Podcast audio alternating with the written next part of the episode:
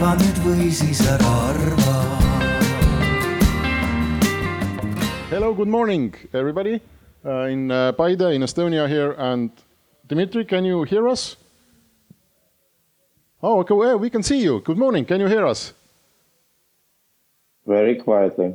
Very quietly, okay. Can we do I something? see you fine, but I think I can't really hear you. Okay. Hey, that's a nice setting, though. I, will s- I say I can barely understand what you say. Okay. And uh, I don't know if you can speak up a bit or if it's some microphone adjustments you can make. Um, Okay, we will try and make some I see microphone. myself on the screen, though. We can uh, try and make some Okay, microphone fine. adjustments. Yes. Everybody wave to Dmitry. Sure. All right. Yeah, I'm just checking how leg is. Wait, okay, if I do this. So. yeah, uh, we're talking like one second. okay. That's Uh, why you can sing a song together over Zoom. is it um, is it better now? Have have we done something? Can you hear us now? Uh, very quietly, really. Oh, again, very quietly. Okay. Hmm. We are working on it. Something. I mean, I was speaking to Andres before, and that was fine. Okay. So it's not uh, it's not you, it's us. Andres, are we doing No, something was- or his mic was fine, so maybe you can swi- switch or do something else. okay? One, two, three, four. Maybe if you if you quiet. if you can hear me, Dimitri, we can start with. Um, Mm, I can, but it's just so low. I can turn off my fan because I'm in Greece right now, and the, because the fan is making more noise than you. uh, okay, maybe we can start. Can you just, uh, Dimitri? Can you introduce yourself to the audience uh, shortly? Who are you, and what is uh, you know what are you doing in Ukraine with the uh, with the internet? What is your role? Sure, I'll explain. Well, um, right now I'm in European Union. I'm working from EU, but most uh, uh, of things I'm doing are related to my company, Hostmaster. We are domain registry for Ukrainian top-level domains. So Okay, while we are waiting, I'm turning to the audience. I would like to know if you are all Estonian speaking or if there is anybody who doesn't understand Estonian, please raise your hand. So we, okay, Jura, okay. So we just know we uh, announced this discussion in English. So I was wondering if it's only Estonians, we will uh, later switch to Estonian, but then it's English all the way. Until I see you leave. when, when you stand up and leave, we will immediately switch to Estonian. No pressure, I hope. No, no pressure. we, we are happy to speak in English also. okay, very good. Um, uh, so um, until we get, oh, did we get you, Dimitri? Did we? Are you back? Okay, we can't hear you. Um, I will just try and introduce the uh, the setting and the topping, uh, uh, topic. So the war in Ukraine has been going on for quite a long time for now, and um, to this day, the in- internet connection is still functioning. We see video clips emerging, uh, you know, from from Kiev. We we see Zelensky's addresses to the public, interviews uh, to world media. Um, we see uh, video clips on Twitter and Telegram about, you know, how how the uh, Ukrainian soldiers are blowing up Russian tanks and so forth. So, internet is functioning, and our goal today is to try and find out how much is it functioning, how are they keeping it up, um, what are the lessons learned from this cyber war like thing. Um, are the uh, Russians trying to destroy internet connections? Are they trying to uh, um, to reroute internet um, to and connect it to the Russian internet? Uh, what has Ukraine done to keep the connections up? What is uh, you know what is their experience? How important it is? Um, how does it help uh, to get the message out and and so on and so on and, and what can Estonia do to uh, you know to um, to learn our lessons from from all this. So we have here uh, Merle Maigre from the e-governance uh, academy. Good morning. And uh, Tõnu Tammer from uh, CERT Estonia, the uh, chief uh, cyber warfare officer. Thank you. Good morning. Okay. And uh, Dmitry is actually uh, uh, Ukrainian. He's a co-founder of the Ukrainian company Hostmaster, and he has uh, played uh, quite an important role in uh, in keeping these internet connections up and, and keeping the country connected um, to the internet. So Dmitry, are you back now? Can you hear us, or can we hear you? Okay, we can. So I think what we'll do is uh, we will continue this discussion here, and when Dimitri is back, uh, just maybe the tent will let us know, and uh, then we uh, will uh, will turn to him. Um, I don't know. Maybe I should ask Tõnu, you have you how closely have you been watching these developments in Ukraine, especially concerning the internet connections and the and the, and the cyber warfare? Are you familiar with this? Uh, sadly or, or unfortunately, uh, it uh, doesn't only affect Ukraine. What our common eastern neighbor is doing, it, it, it also affects us as uh, recently as uh, this week when uh, there was another BGP hijack that rerouted some of the internet traffic through Russia. Hmm. So, uh, so this is uh, th this is something that Ukrainian colleagues have uh, announced publicly uh, several times. This has been witnessed several times. Um, that uh, that um, Russians are using all means and methodologies that are in their toolbox, so to speak. Uh, and and yeah, so we are we are aware. We have been learning from them. We have been uh, learning from previous uh, experiences, and, and what we try to do every day is to make ourselves a little bit more resistant and resilient to uh, to these kinds of uh, events, so that uh, we would be a more of a nuisance. Yeah, good morning from my side, and uh, really uh, glad to be part of this uh, very important discussion. My own interaction with Ukraine started uh, 17 years ago when I moved to Kiev to work as the deputy head of NATO liaison office there.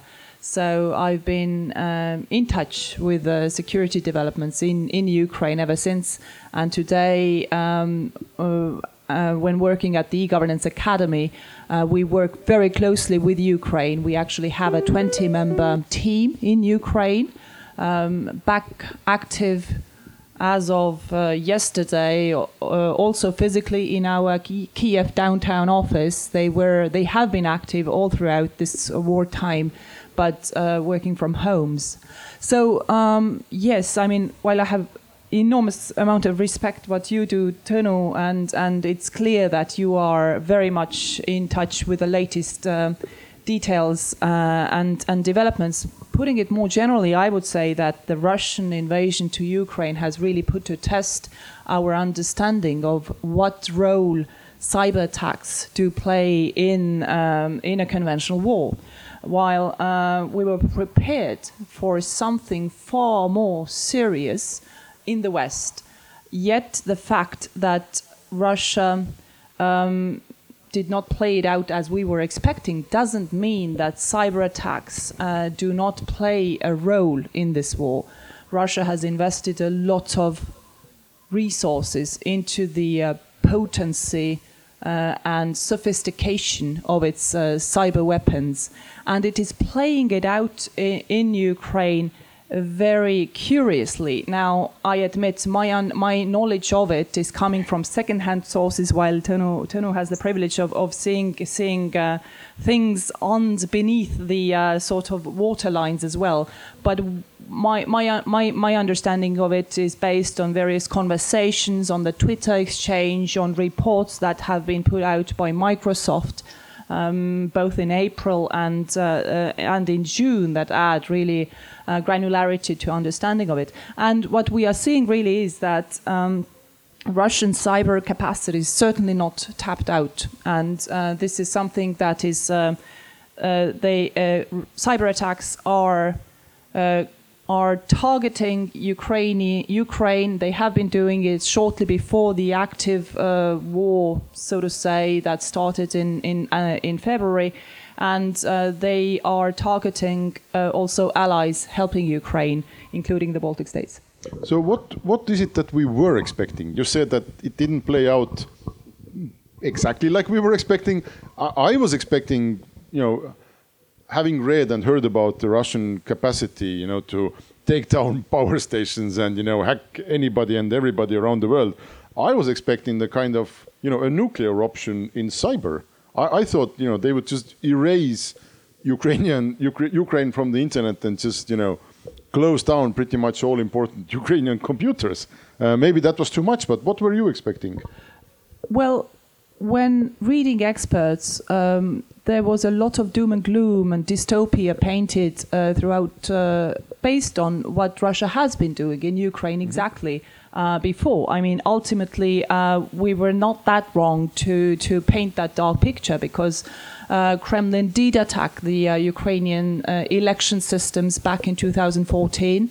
Russia did attack the Ukrainian uh, electric power plant systems um, mm, in December 2015 to 2016, leaving um, thousands of people in cold and dark in the middle of the winter.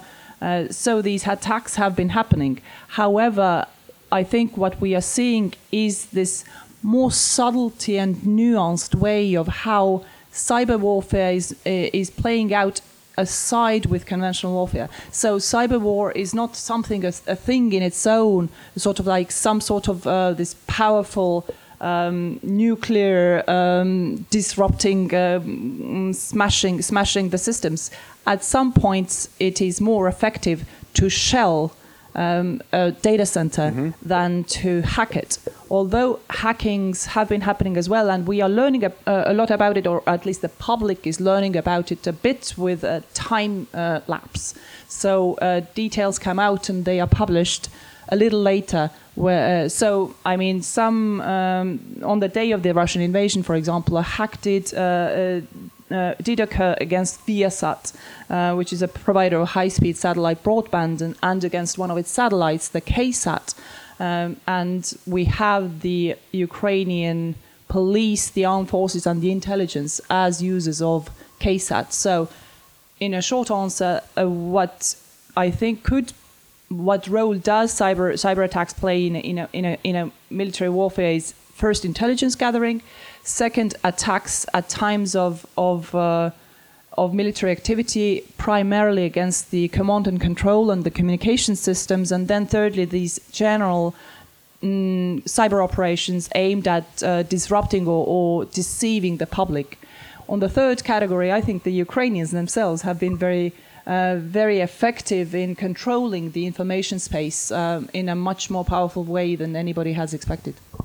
I would um, I would agree that uh, that uh, the doom and gloom that was um, sort of portrayed in respect to the capabilities that Russians have. The the Viasat uh, case is, is one example of fairly significant collateral damage because it didn't uh, only touch Ukraine; it touched uh, most of Europe, including us.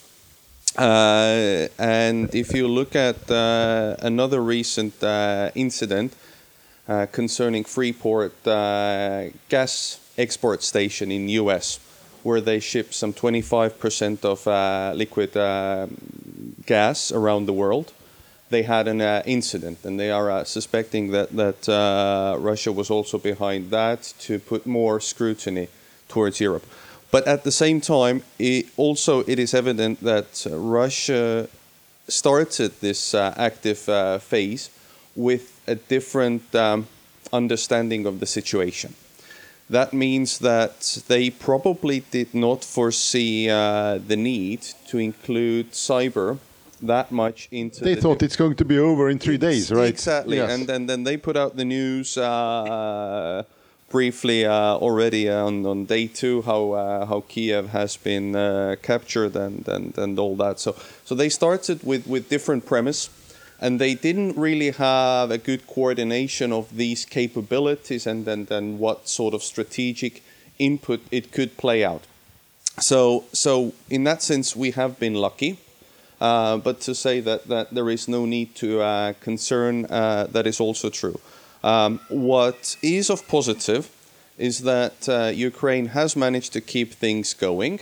And it only shows that, that when you do put uh, sufficient resources and, and, and efforts into keeping things functional, you can do a pretty good job in making the life of an opposer bloody difficult. Yeah, Dimitri, uh, are we?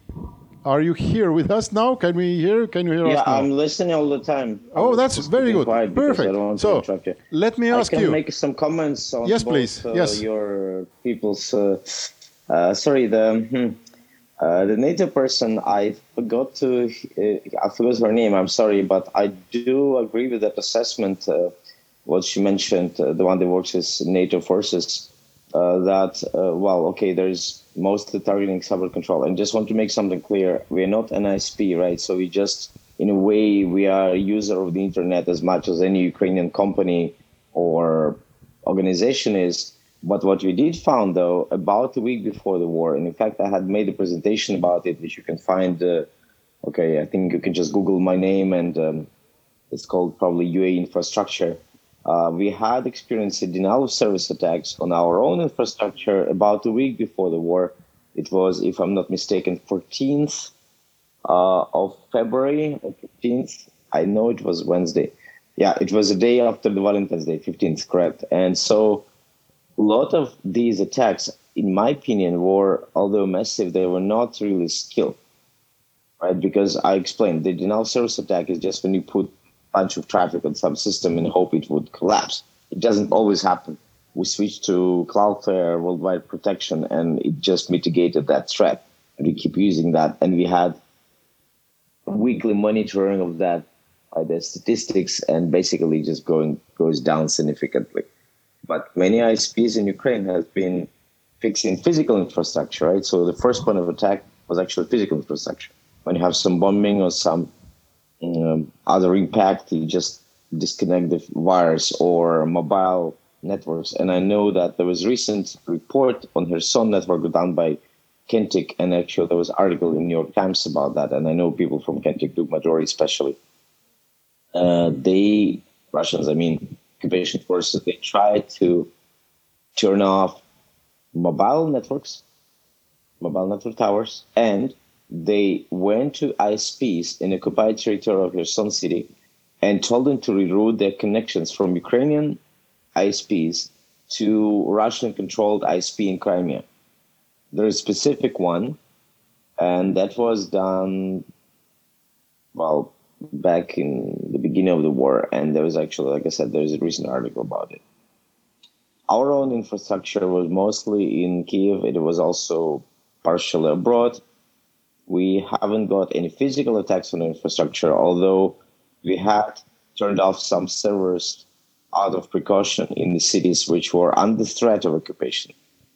But that threat didn't materialize, and we had also stopped in those cities, which was also moved. So I think actually your first threat and your first defense should be physical people and computers and links so there is not as much as cyber attacks I can talk about. Then, of course, you have to have your basic internet security, and that's actually doesn't really difference. There is no much difference between current state and say state a year ago. It's not that attacks did not happen before; they intensified. Uh, Dimitri, we were talking here that we expected this um, conflict to play out differently in, in the cyber range. Maybe we expected that the Russians would do more or more seriously or more effectively. You know, they would just disrupt Ukrainian internet much more.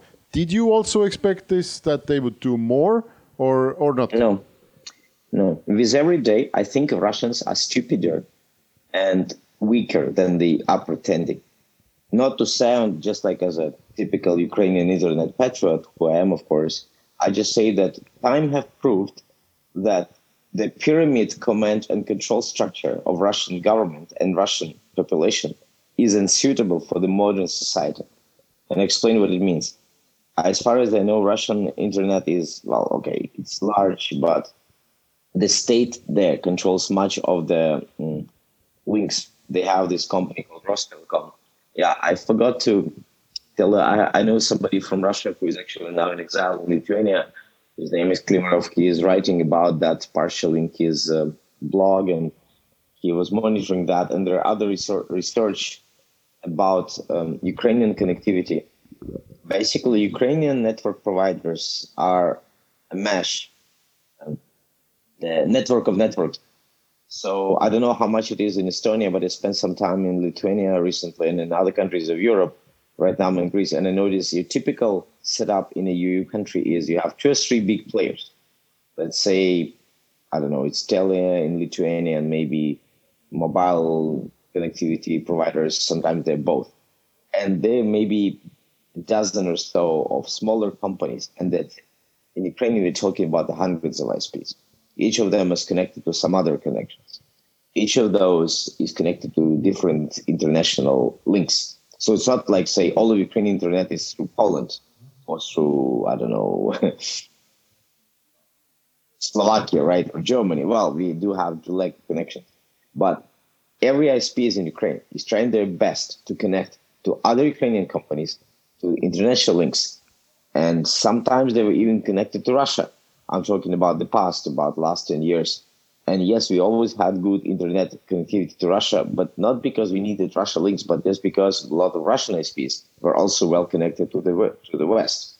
That means that your typical internet connectivity in Ukraine is not just one or two links. You may have three or four, and then you have more further. So there's a lot of resiliency there.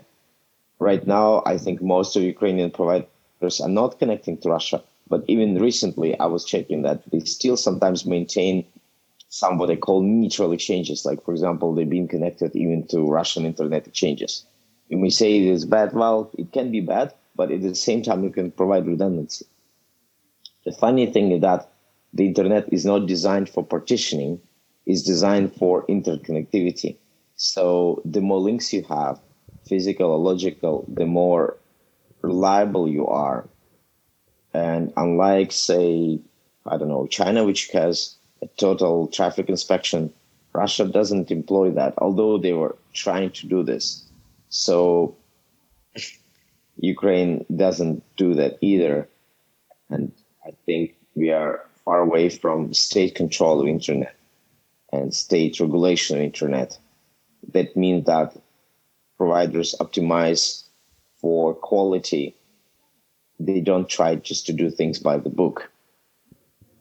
Uh, and speaking of the domain name system, by the way, which I'm related to, I would add that Russia, Russian government tried to implement their own local domain name system, which means they try to control the name resolution that paradoxically makes them more vulnerable because every ISP using the same system means that they have a single point of failure. Uh, we in Hostmaster try to distribute our servers as globally as possible and employ partners around the world so they can give us the redundancy we need. That also relates to our own infrastructure. Dimitri, so basically, um, it's just too much, too much, too much to break, and it's not all in one place. Dimitri, uh, currently in Ukraine, are there any cities or any larger areas that have been totally disconnected from the internet that are like black holes that we don't we have no idea what's going on. Is it mariupol? Is it kherson? Is it some other place? Yes. Yes. Well you made it right. I'm not maintaining the full list but i say uh, again uh, there actually twitter is excellent source for this. There are several companies that maintain connectivity and I'm not doing this day to day, but well, you can say Kherson is not disconnected because they connected through Russian controlled ISPs in Crimea. But say in Melitopol or Mariupol or in other areas of um, south of Zaporizhia, Zaporizhia or in areas of Donetsk and Lugansk, of course, if there is fighting going on in some specific city or territory, while they may just have no internet and it's something that happens. But I think mostly, paradoxically enough, even if Russia occupies some territories, they try to control the narrative. Therefore, they try to control uh, the internet connectivity there. They mean that they try to reconnect them somehow. For example, connecting to the mobile networks and distributing their own SIM cards. I know about some specific cases. I just don't want to mention them because it's too small. But so, if if I'm somebody there is living no in Russian internet yet, okay, and uh, yeah, I explain. There is no Russian internet yet. There is common internet. So somebody who is in Russia is still connected to the internet. Somebody who is in occupied territory, which is served by Russia-controlled ISPs, can still be connected to the internet, although they do try to filter things like what Facebook and Twitter. I actually don't know what Russia is controlling. Thanks God, I haven't been to Russia for years, and I don't know exactly, but I know they have extensive blacklist of sites. They try to block Telegram. I think Twitter and Facebook as is banned. I'm not quite sure. Uh, so if I am uh, somebody, just a regular citizen, uh, living in Kherson, for example, um, is my mobile phone dead? How how, the, how does it work for me? Is my mobile phone showing nothing? My laptop, my Wi-Fi, my I don't know DSL connection at home. You ask you asking the wrong person, but I know that okay. I do have I know some people who know people who are in Kherson, and they've been disconnected for a while, but now they are connected. But what does it mean? Some ISPs in Kherson function. Um, like I'm already mentioned Kentik Analytics, they made an article and I can probably share it later with you all. Uh, if you go for Twitter, Kentik is the company name. It's K E N T I K. Uh, they maintain, um, they did recently research on internet connectivity. They're one of qualified companies that watch all these links. There's a lot of data being gathered, but basically internet traffic in Kherson went to zero and then went up, but it's not as high as it was before. That probably means that some of ISPs are not connected. Somebody said had home connection and they're out, right? But they may have mobile network. If they don't have local um, service uh, from the mobile operator because that operator is disconnected, they may get Russian provided uh, mobile operators, and I know nothing about that because, well, I'm not in occupied territories.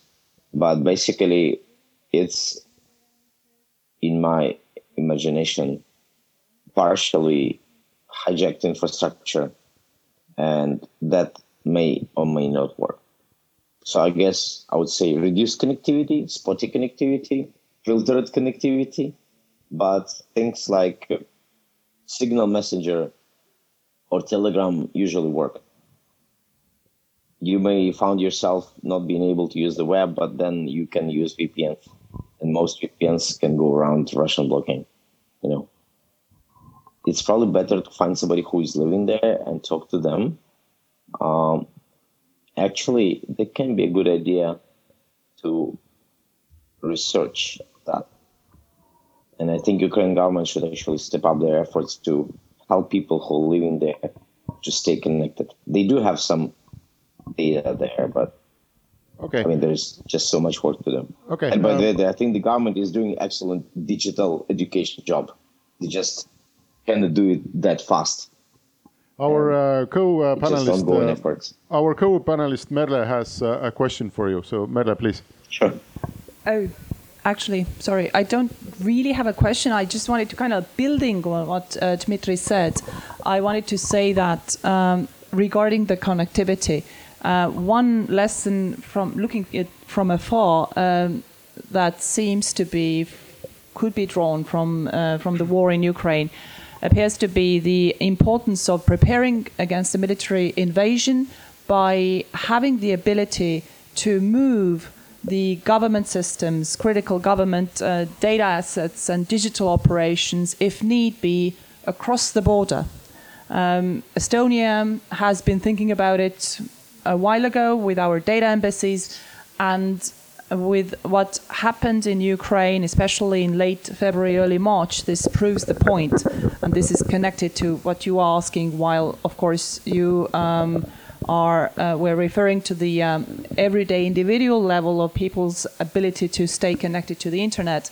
I think it's important to sort of also talk about this um, moving the government systems because Russia clearly, not surprisingly, attacked some of the physical servers um, by conventional weapons. Therefore, uh, Ukraine's ability to move its government systems into various public clouds with the great help also, and this I think is the is an important second lesson of this war, uh, the, with the help of the private sector uh, and allies but private sector has really proved um, indispensable. Microsoft, um, Google, various uh, threat intelligence companies, they have done an incredible job in helping Ukraine to move uh, move itself to cloud. Well, Ukrainian you're right. You're right, but Ukrainian is using Amazon exclusively, just so you know, cloud-wise. Ukrainian uh, biggest uh, bank, uh, Privat Bank, uh, which is now government owned, also moved its entire infra to Amazon. If I'm not mistaken, they did it in about a month.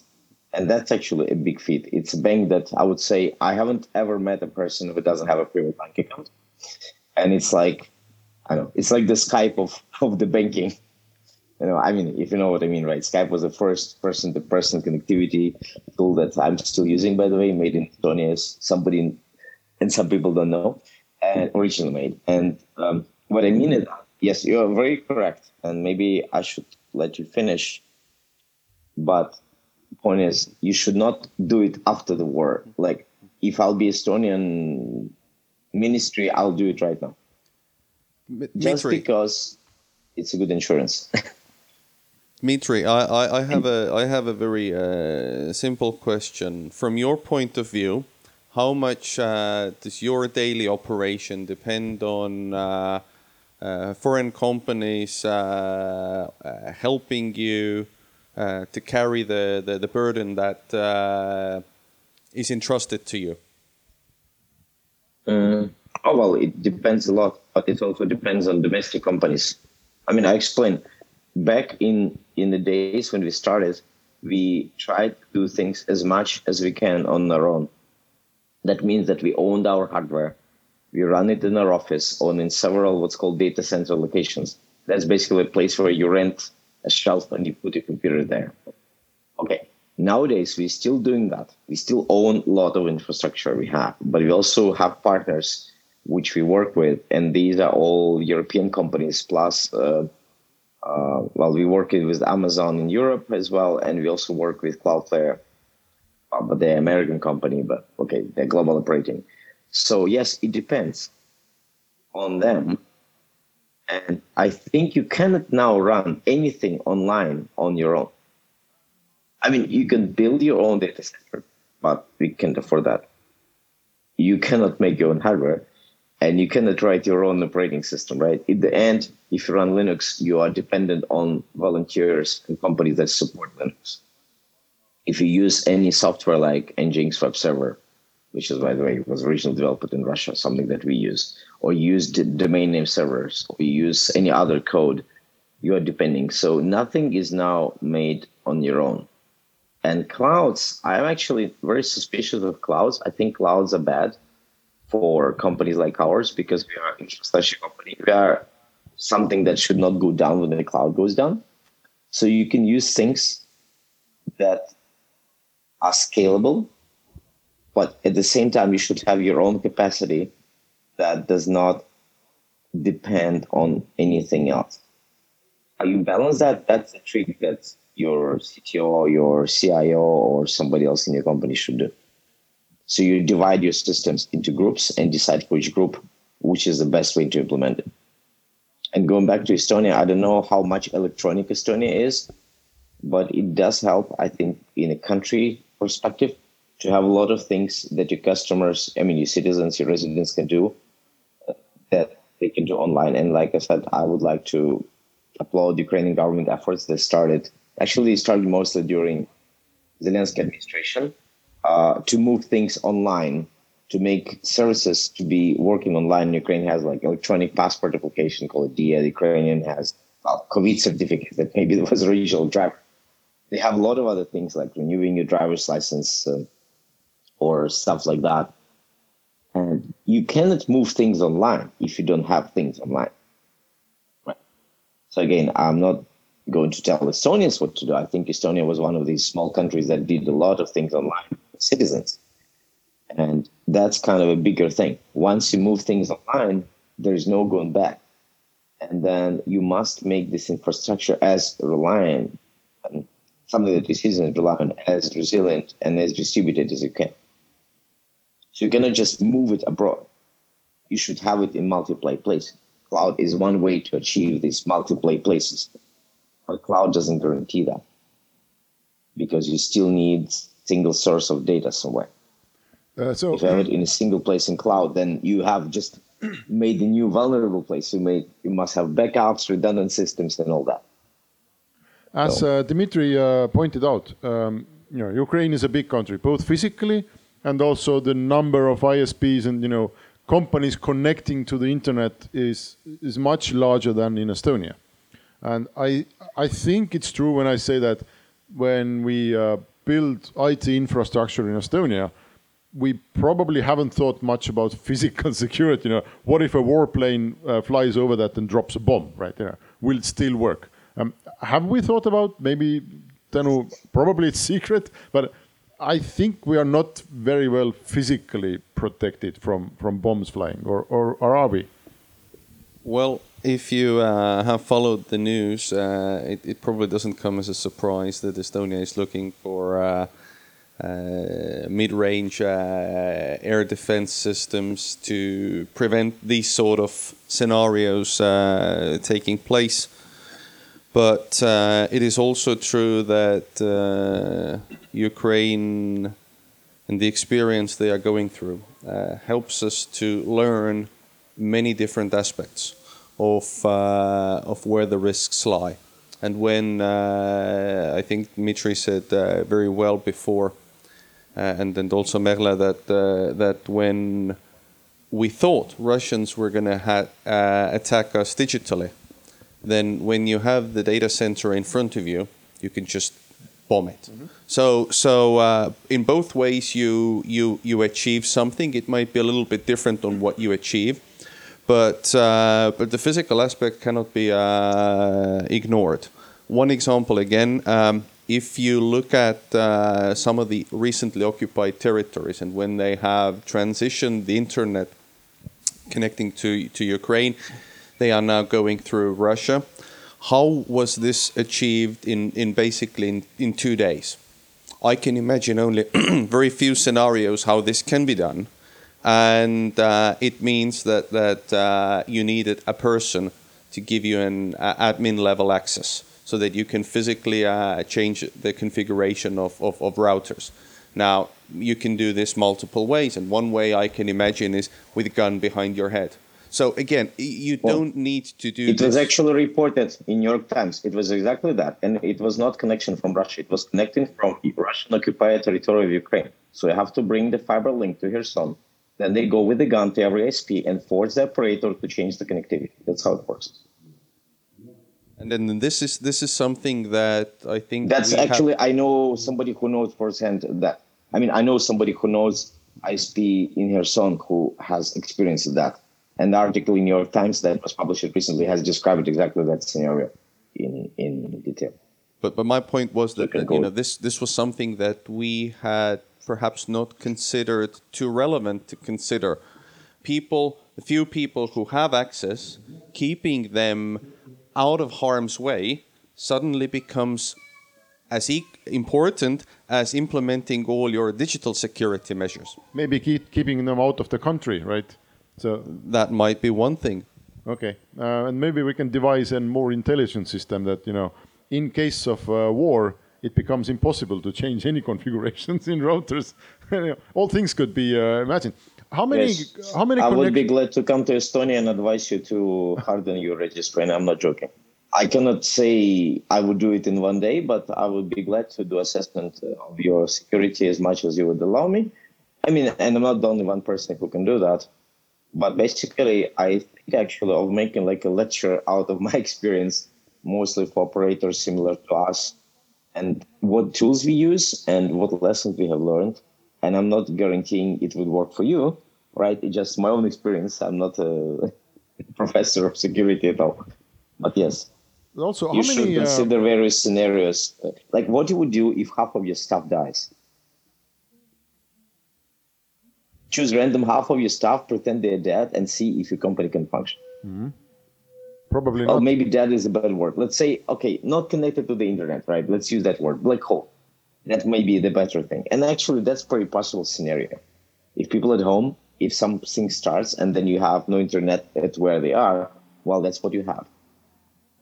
So Dimitri, how having uh, stuff. Dimitri? How is Ukraine uh, connected? Uh, Ukraine's internet connected physically to the outside world? You mentioned some cables run to Russia, but probably lots of uh, them also to other neighboring countries, right? Or is it? Uh, Well, most cables are not running to Russia. Most links in internet are fiber. That's been going through 90s. Mostly surface links uh, to to Western countries. Mostly it's links to, well, Poland, I guess. Uh, I'm not sure if there's any uh, subsea cables going from Odessa to the south, but I would not be surprised if there are. Um, we don't use much of the satellites and I used to work for ISP, but I'm talking about 90s. I'm not sure how things are. Most of Ukrainian domestic connectivity is by fiber as well. And if you have seen those photos when people are repairing, they're using fiber splicers to reconnect the links. Mm, so, oh, and we have Starlink. Know, Even if you have mobile tower, the mobile tower is just like a home Wi-Fi router. It has radio link to your equipment, and then it has uplink. Well, it's called uplink because it's connecting to the internet by fiber to the main infrastructure of the operator network. Yeah. So Russia just took place where people had fiber links as well. I'm not actually sure that works now. I was talking about, let's say, events like a decade ago. so, but Estonia uh, has a few cables running. Like you know, to- people in Donetsk have been connected to Russia, for example. Doesn't mean that there were ISPs using. When you have a link somewhere, it just means that you can send data to that link to specific addresses on the other side of that link. Mm-hmm. So, say somebody sitting in Kiev and looking at the website located in Russia would still maybe go through some links to Russia, while these links can be going from, say, Germany. You can have, for example, Russian SP present in Germany through Cogent, and they can be connected to you using the same Cogent. Uh, Cogent is one of the big operators. All level three, There are a and few cables that there. are running uh, from Estonia to Finland, and then there are there is something running from Estonia to Sweden. Am I correct? So far, not. Ah, okay. But So- you are forgetting the cables that uh, connect us um, over eastern border to Russia, and you're forgetting the cables that connect uh, us to uh, over southern border to Latvia. Okay. So all in all, we have the number of connections, physical connections going out of Estonia, probably can be counted on one hand's fingers, right? It's like four or More. five. More? More. Okay. Um, are we thinking about the physical security of these cables? Because we know that the, probably it's Russian submarines that have been very much interested in, in cables all around the world. And, you know, they are not tourists. Um, if you recall, I said, you know, we have basically cables going north, east, south, and west. Then, uh, of course, we are worried about the sea cables, but we also have land cables. And in this regard, uh, we are not alone.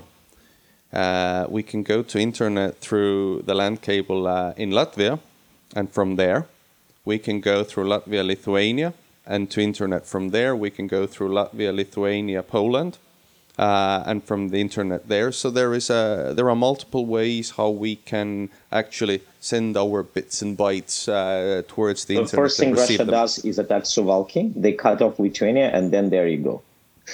and then, then in this way, you know, uh, you can look at the whole Baltics as one. So to, to say that uh, that uh, one Baltic state is uh, in that sense independent, uh, I would say that, that here we are in the same boat. Okay. Merle, do you have a comment to make about anything we have been talking about uh, so far?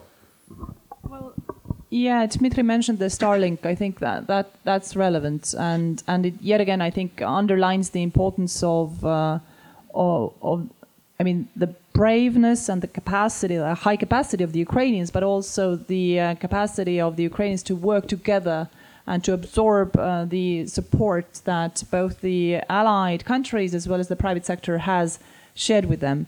And um, just kind of like zooming in into a, a moment where I think, like, uh, for me, a takeaway from the first days of war, uh, where where internet connectivity uh, resonated strongly, was the what was I think one of the first days of the war when President Zelensky was offered to leave the country, and he he preferred to stay, and there was lots of confusion because Kiev was shelled, and uh, and everybody tried to understand what is really going on, and Zelensky came online filming himself or, or by his being filmed by his team or something. The fact that he had he and his team had uh, connectivity, they were able to prove that they are in Ukraine, reassure the country.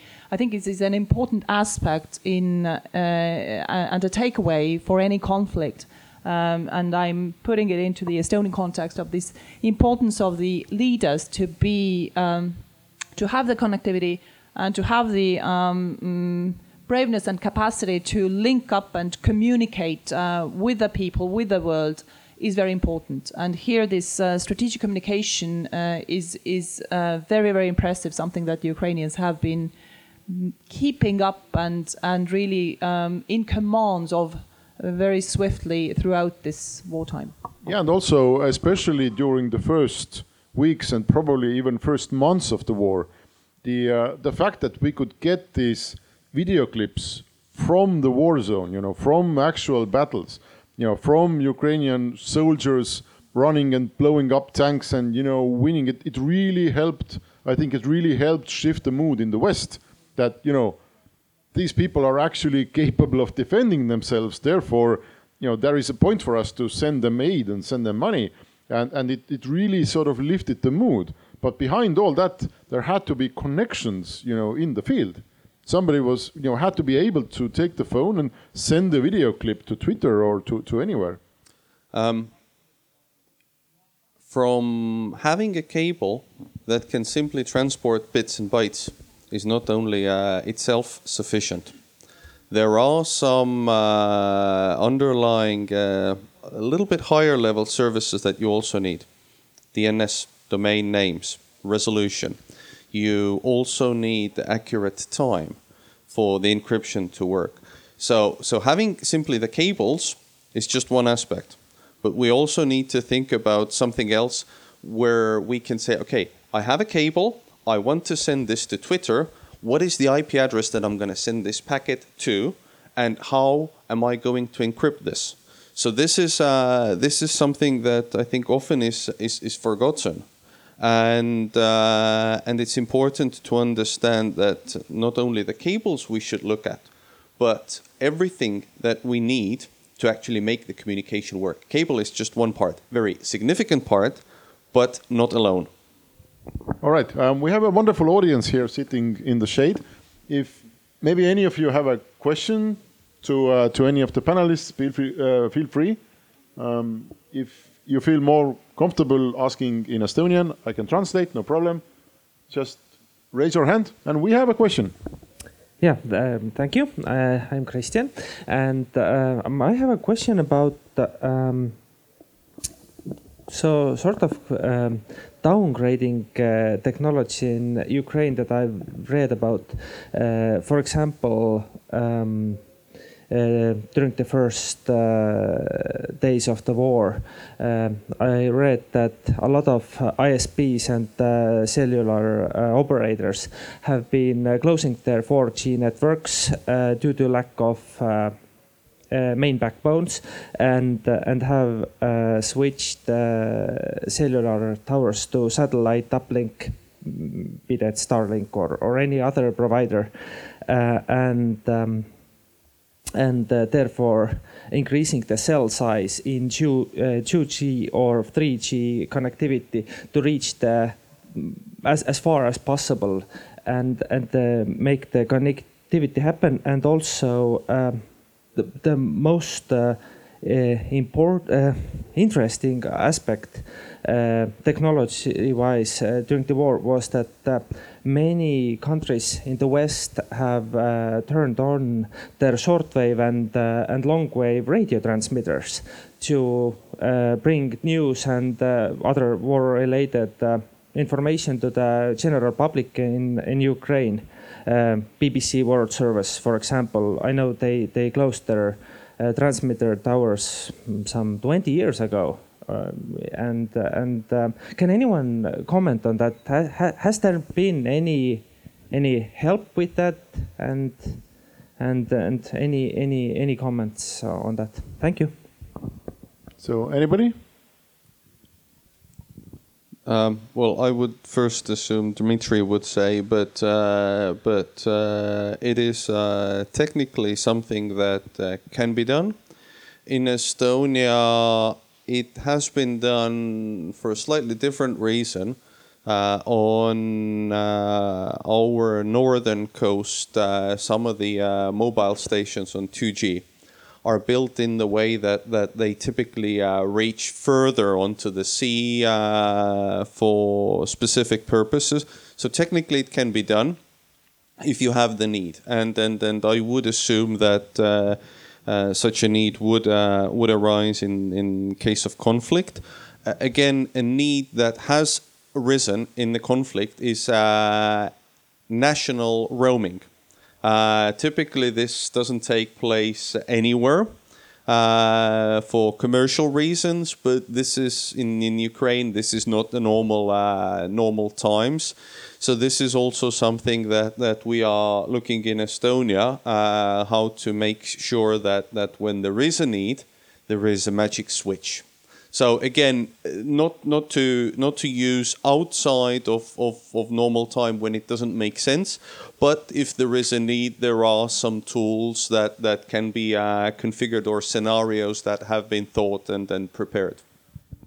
Yeah, and also uh, the whole informing the public uh, side of the question has been sometimes discussed in Estonia, but then we discovered that, oh, you know, lots of people do not have, uh, you know, FM, AM radios anymore.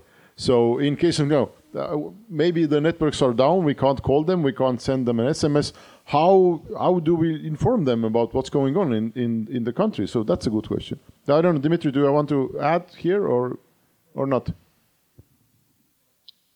Uh, actually, it means something. Uh, well, actually, a very good question. I'm not a ham radio operator, but I know some people who are hams. I think it would be a very good idea to keep the radio network functioning Unfortunately, I mean, the TV went digital, the radio went silent.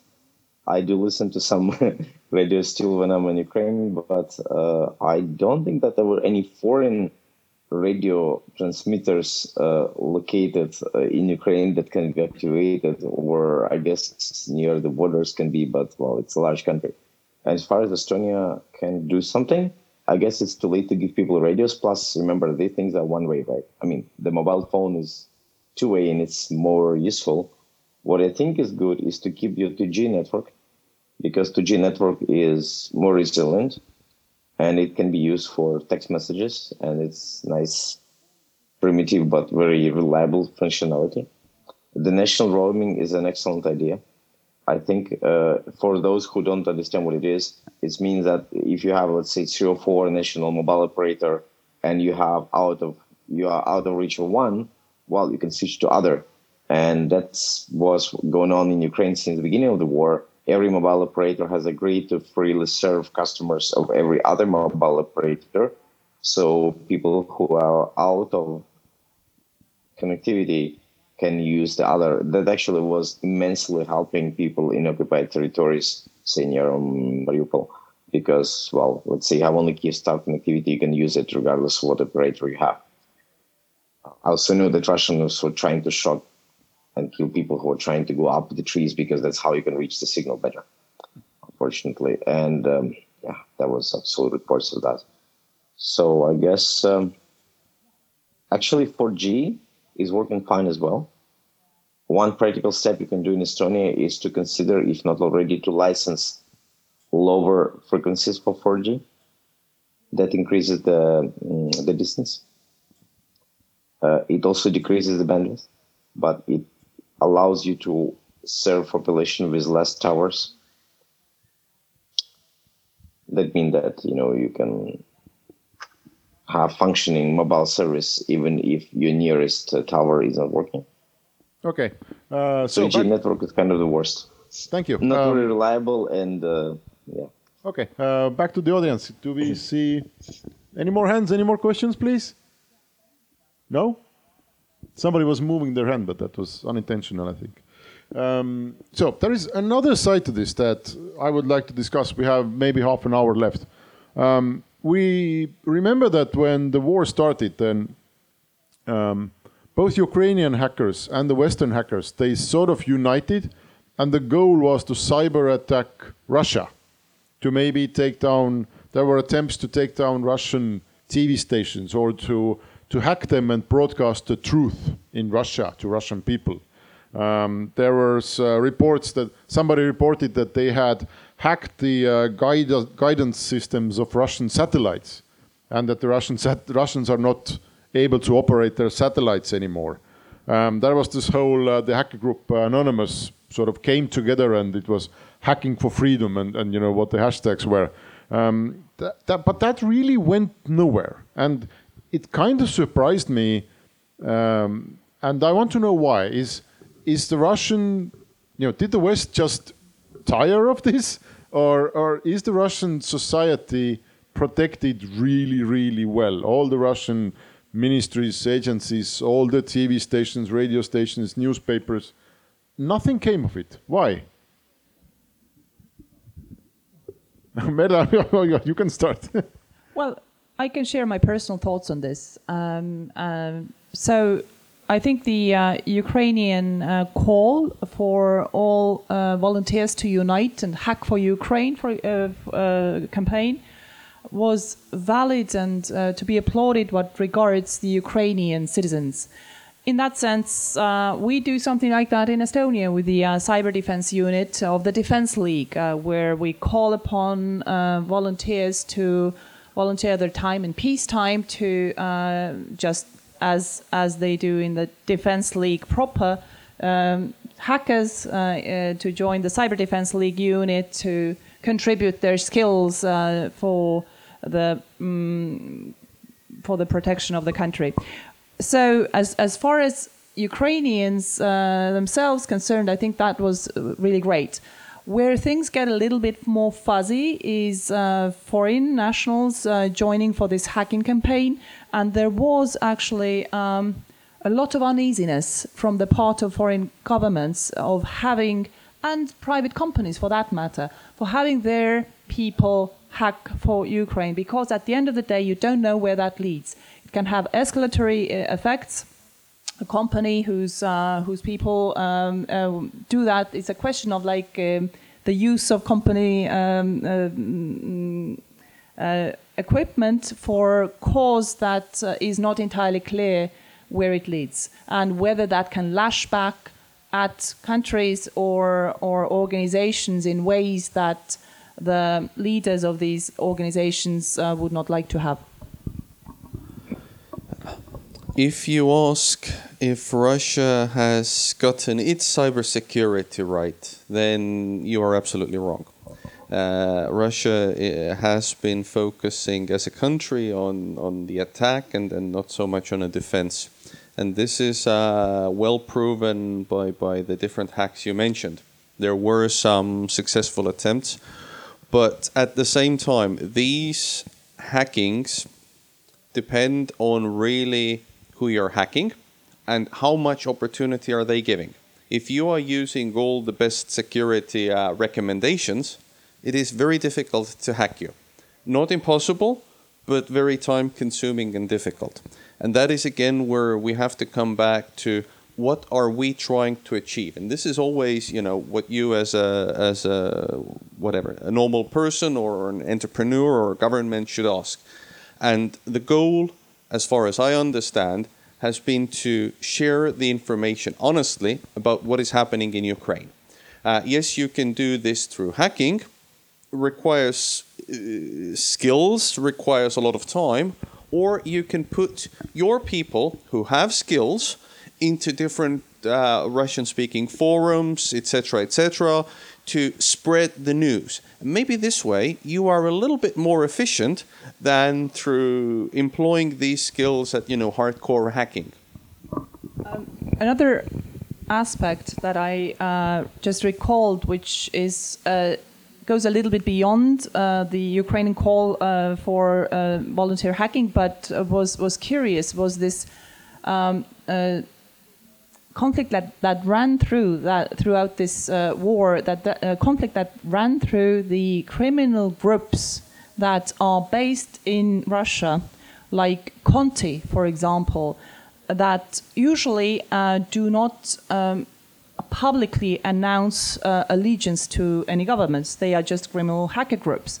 Whereas with the outbreak of, of uh, this phase of the war, some groups like Conti publicly announced that they are loyal to Russia, and that created cleavages within their uh, criminal groups. There were some um, patriotic Ukrainians who actually then went out and leaked information about that criminal group, which was curious um, development in this uh, criminal cyber hack world. But also, I think in this, uh, you know, hack for Ukraine or hack Russia uh, case, there could have been maybe a language problem, because a lot of hacking is done not by brute force hacking, but by phishing, or even you know spreading the truth. It has to be done in in Russian, right? And you know, whereas we could gather American, British, whatever, German hackers through this anonymous, maybe Malaysian hackers, I don't know. Um, very few of them speak Russian and are able to craft, you know, Russian messages, Russian phishing emails that look authentic. And the other way around, I think many, many, many more Russians speak English or are able to do this in English, therefore are able to phish and hack us rather than, uh, you know, us hack them there is one aspect that, uh, from our point of view, we, we tend to forget. Uh, Merle has uh, a laptop right next to her. Uh, we have quite a few uh, IT technology around here. Do you think this is uh, the same in Russia? People might have their cell phones, but when you look at the typical uh, high level IT, in different uh, Russian uh, organizations. Imagine a manufacturing uh, plant. I would bet that most of the technology still comes from our, you know, previous uh, generation and and uh, political uh, establishment that has very limited connectivity to to to modern technology. So this makes these things a little bit more difficult uh, but what you say about the language and all that, that is absolutely true. Um, for I think this is a benefit uh, towards uh, Ukrainian side. Their population, in general, can speak Russian better than we can. Yes, and it actually, in case of conflict, it might be uh, a problem for us because I think you know we have seen Russians. Uh, I'm sorry, Ukrainians intercepting Russian soldiers' phone calls. You know, maybe even communicating with Russian soldiers, giving them false information, false orders. You know, all these kinds of hacking can be done, and it's probably much more efficient to do it in Ukraine, where uh, you know, people speak Russian much more than in Estonian. So you're saying let's la learn languages so learn, learn Russian so you can uh, you know tell Russian soldiers where to go, and just direct them into the wrong place. But if you if you really want to be a hacker, you should not learn Russian. You should learn Python and and, and all the programming languages and, and and the technical specification on, on how different standards work. okay, um, we have about 20, maybe 15 minutes left. I'm looking at, at the audience to have more questions for us? If not, we will continue. Okay. I I'm think it's better not to learn Russian, but for you to use Estonian more. I guess Estonia doesn't have this problem like half people don't know Estonian really well, right? I mean, I think there is only two or three places in Estonia where people are majority Russian speaking. Am I right? Yes. But it's just uh, okay. I should check. But I was saying that language wise. Um, I saw a lot of uptake of Ukrainian communication. Let's say in my team, we traditionally had a lot of Russian communications inside. Yes, I should probably be ashamed of it, but I'm not because it's just a fact of life. Well, I guess it depends how old are the people. But let's say last couple of years when I go out to the cafe, especially after the COVID pandemic was kind of under control and you know we start going on again after lockdowns, I noticed a lot of people in Ukraine switch to Ukrainian. The unique thing about Ukrainians that speak Russian is that they usually make it fun and kind of use Ukrainian idioms in it. So they kind of create a Creole language which has you know a mix of two. Well, there is one called Surzhyk. It's more like a argo, I guess. There is proper linguistic term. So yeah, knowing language is important, but I think knowing your own language and using that is right. And I guess so few Russians know Estonians. Estonian, they would uh, really be helpless if you think about that.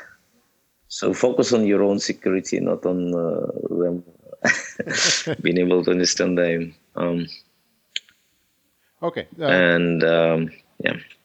All right. Just to try and uh, try and recap this this discussion here, I'm asking Merle and Tõnu. So, can we point to any concrete lessons that that we have learned from this conflict so far, and and we come together and say, in Estonia we should do this definitely, or we shouldn't do this, Merle? Yeah, I'm glad you asked because I think it's very important that we don't get lost in this forest and and can uh, in in between all these trees and we can see the forest uh, as as a whole. Yes, I think um, a couple of lessons definitely. One thing that was mentioned, I think, is this uh, uh, that we touched in the first part of our discussion is this capacity, if need be, perhaps prior to the conflict, think of how and and. Uh, how we uh, how to move uh, to cloud if need be with uh, state systems uh, or or abroad. Uh, secondly, I think what is important after all, this is a war and peace um, stage here. Intelligence sharing, I think.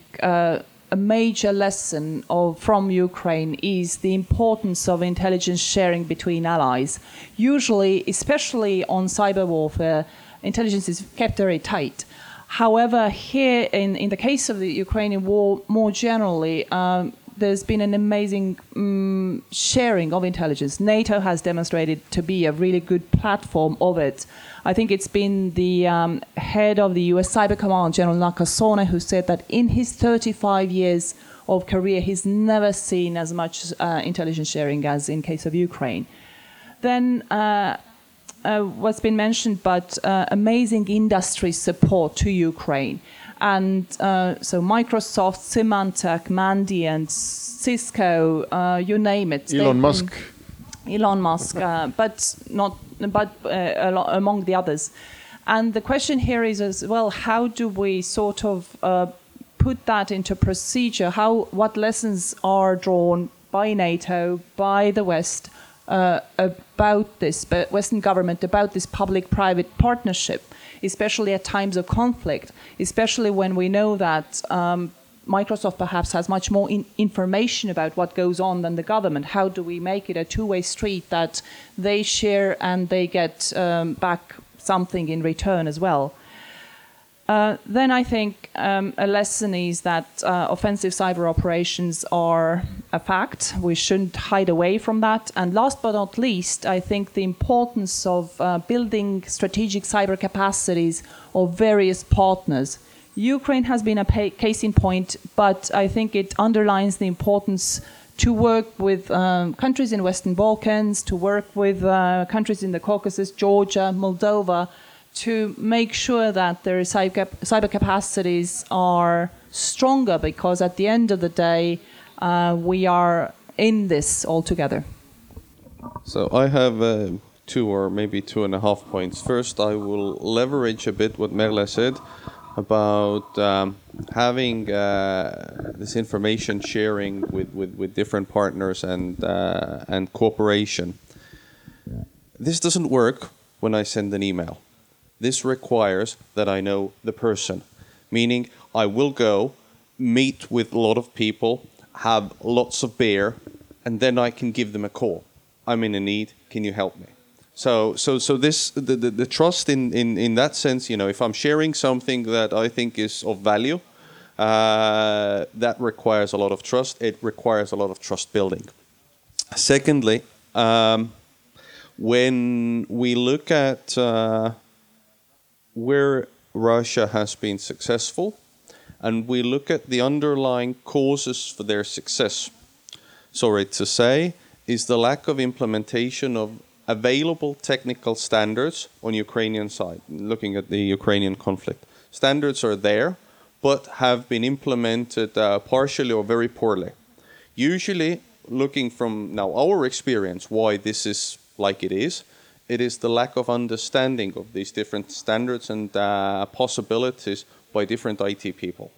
Meaning, we need to do a lot more education towards these people on what is, what are the risks, what are the means to counter those risks, and why they should do it, and not be afraid of, you know, even making mistakes, because ultimately they are trying to avoid a bigger damage. And I think this was my two or two and a half. Can you just give a short example uh, about the standards you're saying? Like, is, is this changing a password every three days, or is it configuring routers, or what do you mean? Well, I, I, I started uh, this panel saying that you know Russia hijacked uh, internet traffic, and this has happened many times in Ukraine. Uh, we did a risk assessment in uh, spring 2020. Estonia was about 25% of IP addresses were protected against hijack. Today we are almost at 90. We were actually around 80 in less than a year. Uh, so this is one thing. Technology is there. It can significantly reduce the impact of such attempts. Meaning that can we absolutely prevent it? No. But we can, with each implementation of these standards, we can make it so much more difficult to achieve the goal. Take another step. Yeah, you hijack the traffic. But when you make sure that, that by no means this traffic cannot be plain text, it has to be encrypted, then what's the point of hijacking? You can't see into this, which is typically what they're uh, trying to, uh, why they're trying to do this. So, so these things are important, and, and implementing systematically best practice is absolutely vital. So, Dmitry, we have been going over lessons learned. Uh, what are your lessons learned from this conflict so far? All right. Um, good question. I think uh, actually I would probably echo some of that, which was just recently said that you have to establish personal connections. I'd probably say that, well, okay, it starts with connections in your own team, right? And it's also with your critical suppliers or partners, but also with the people in the government, maybe your just personal support network, right? your psychologist, maybe. Uh, you are going to do a lot of things if something like that happens in a short time. And I was, I remember I was really exhausted. My girlfriend joking, "Oh, you lost a lot of weight." I said, "Yeah, I guess I was not eating enough, right, and drinking too much coffee." Well, okay, stress is bad, and stress kills, and so um, I think uh, the lesson is actually making enough time to rest and doing a lot of work in a balance as much as you can. And uh, also, we're using Signal as one of the way to keep. I mean, one of the messengers to keep your team on. I think using instant messaging versus email is very good. Doesn't mean you should not use email, but it means that you kind of rely on all people to be in the same messaging app and that includes your external connections. I know a lot of people use Slack, and you can probably choose the tool you want to use, but establishing your emergency communication mechanisms and establishing your personal connections and kind of keeping in touch with them is very important. Being prepared is important. You cannot be too prepared. I would also say you have to be redundant as a unit, like, you know, having second internet connectivity at your house is good. Having dual mobile phones is good. Power banks and stuff. Your second laptop, maybe. Encryption. So, kind of have to think of yourself as a soldier, right? Who is going to be in a situation where you have to rely on yourself. So, that also means other members of your team so equipping them and being ready is good. Um, also, there was this article I read recently. I forgot what it was. I think it's called Drowning Rat Research. They said that they did this experiment. I know scientists are brutal. So they tried to see how much time rats can stay in water till they drown, and it took them like maximum 30 minutes to, to die. Um, so basically, you know, they can't really swim and they just try to keep afloat. Then they saved some of these rats just before they were about to die, and then they put them back into the water. So they say that these rats have been rescued, uh, kept in the water for like 60 hours. So meaning that if you know that there is hope, your spirit goes up and you can live for much longer. So having your spirits up and knowing there is hope is very important. It's probably most important than everything else in your life. To know that you are going to go through this and uh, being able to push you to the limit and help others is what makes human society function. Okay, thank you. Um, just to end, um, I think before Russia attacked Ukraine in February this year, there were lots of, you know, this science fictiony type of discussions about how the war of the 21st century would look like. And there have, you know, lots of smart people were saying, you know, there is no use for infantry. It's all cyber. It's all like satellites and, you know, flying back and forth drones. And yet we see that it's boots uh, uh, boots on the ground yet again, right? And and it's artillery, maybe in some cases literally from the Second World War. I don't know, but it's it's very much the Second World War tactics that's that's happening in eastern parts of Ukraine. Uh, Merle, I guess this is more a question to you. Were we wrong? Is is war on the 20, in the 21st century still the good old, bad old, terrible old infantry war? I think cyber is part of the conventional warfare, and we should underline that. But the conventional warfare has not disappeared. And I agree with you that, especially some of the images from the very beginning of, of this uh, Russian aggression against Ukraine, was very, very much evoked the Second World War images. People taking evacuation in the subway lines, people cramming the uh, trains, trying to, the women and children cramming the trains, trying to escape, or the tanks moving around. So there is that dimension. And, uh, but fortunately, um, enough um, Estonia here uh, with NATO allies has reacted to that. And uh, we do not have any pink um, glasses uh, or illusionary illusionary images, but we, we, we, we know about this. And it's also important not to prepare for the last war, but for the next war. So some of the uh, some of the aspects of this war, for example, the fact that the war plans of Russia were published in the Washington Post six months beforehand, are probably unique, and we shouldn't expect that to happen next time around. So we should have the prudence to be able to differentiate between um, the lessons drawn and and uh, new things can that can hit us. It's not easy, uh, but we have to try.